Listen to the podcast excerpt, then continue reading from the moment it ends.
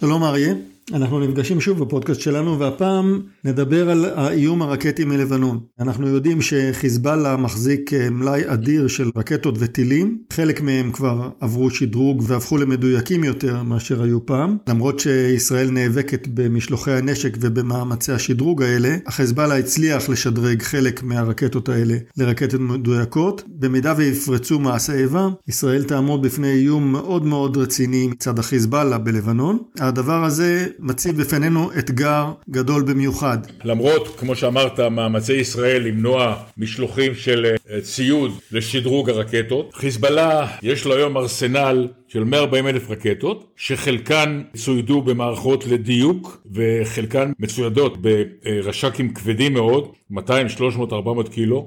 רקטות כאלה יכולות לגרום לנזקים בהיקף גדול. לבנון מדינה הרוסה, חיזבאללה שולטת בה, וחיזבאללה נשלט על ידי טהרן. אם איראן תגיע למסקנה שמתאים לה שחיזבאללה יעסיק את ישראל בירי רקטות, נסראללה יעשה את זה כי הוא מקבל הוראות מטהרן, אין ספק. הוא משחק אותה שהוא יש לו מילה, הוא יקבל הוראה, הוא יעשה את זה. השאלה, איך ישראל תנהג במתקפה כזאת?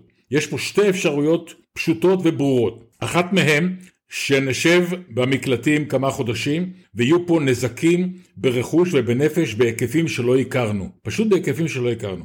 האופציה השנייה, ואני דיברתי עם הרבה מומחים בתחום הזה, כולם מסכימים איתי, האופציה השנייה תלויה באומץ הלב ובנחישות של המנהיגים שלנו, והאופציה השנייה אומרת ככה, החיזבאללה מתחילים לשגר, ישראל יודעת שבלבנון יש היום למשל חמש תחנות לייצור חשמל, חשמל משמעותו אספקת מים, אתה משמיד להם ארבע ואומר להם אם תמשיכו לשגר רקטות אנחנו נשמיד לכם גם את התחנה החמישית. אם הם לא, יס... לא יענו לקריאה משמידים להם גם את התחנה החמישית ואז ישראל צריכה להיערך לפניות למועצת הביטחון, לוועדה לזכויות האדם, לבית הדין הבינלאומי בהאג, כלומר מצפים מישראל שישראל תנהג כמו קדוש מעונה כאשר יורים פה על אה, ערים ויישובים בישראל וגורמים לאבדות ולהרס. במצב כזה המנהיגים שלנו צריכים להגיד לעולם בעדינות אה, שקו לנו במקום נמוך, אנחנו מגינים על התושבים שלנו, מי שיורה על אזרחים מקבל את כל העוצמה של ישראל.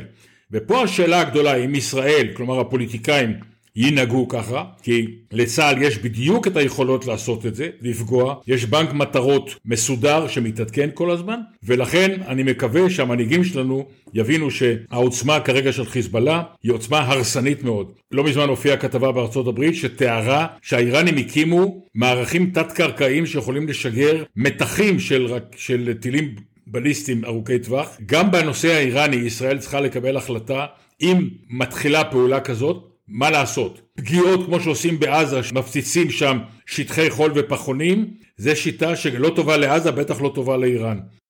לסכם את הנושא הזה, התגובה הישראלית במקרה של פתיחה במעשי איבה מצד איראן עצמה ומצד השלוחה שלה במזרח התיכון החיזבאללה, תחייב את ישראל לתגובה חזקה, קטלנית ומהירה.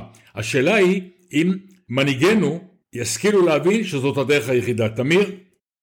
הנושא הזה טופל על ידי הרמטכ"ל מיד עם כניסתו לתפקיד, אם אתה זוכר, בנאום הראשון שלו הוא דיבר על האפשרות של אה, פריצת אה, מעשה איבה מול לבנון, והוא אמר והבהיר את הנושא הזה בדיוק, שמעשה איבה, סבב שלישי של הלחימה בלבנון, לא יהיה כמו הקודמים, הוא יכיל הרבה מאוד תקיפות בתווך האזרחי. ישראל הזהירה, לפחות ברמת הרמטכ"ל, הרמטכ"ל הזהיר בצורה ישירה את הלבנונים, שמיד עם פרוץ מעשה איבה הם חייבים להתרחק ככל האפשר מהגבול, מכיוון שכל הגזרה של דרום לבנון תטופל ישירות על ידי צה"ל, בצורה אגרסיבית מאוד, בדיוק כמו שאמרת, כדי להגן על אזרחי ישראל. לצה"ל ברור לחלוטין שהמערך הרקטי של החיזבאללה בלבנון לא יכול להישאר יותר מדי זמן, כיוון שיש בו פוטנציאל סיכון מאוד גדול, ועם כל כיפות הברזל של ישראל אי אפשר לעמוד בפני מטחים כל כך גדולים כמו שהחיזבאללה מסוגל לייצר. ראינו שהחמאס מסוגל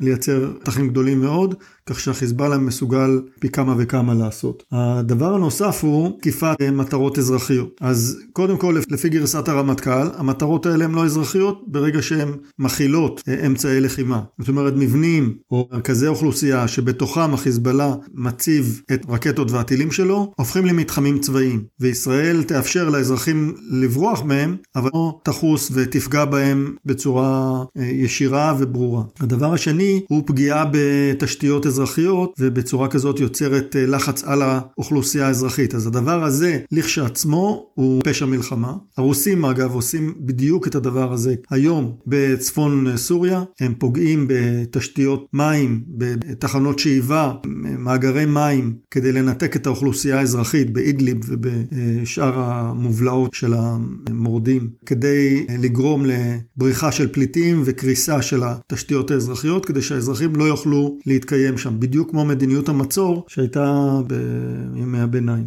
הרוסים עושים את זה ו...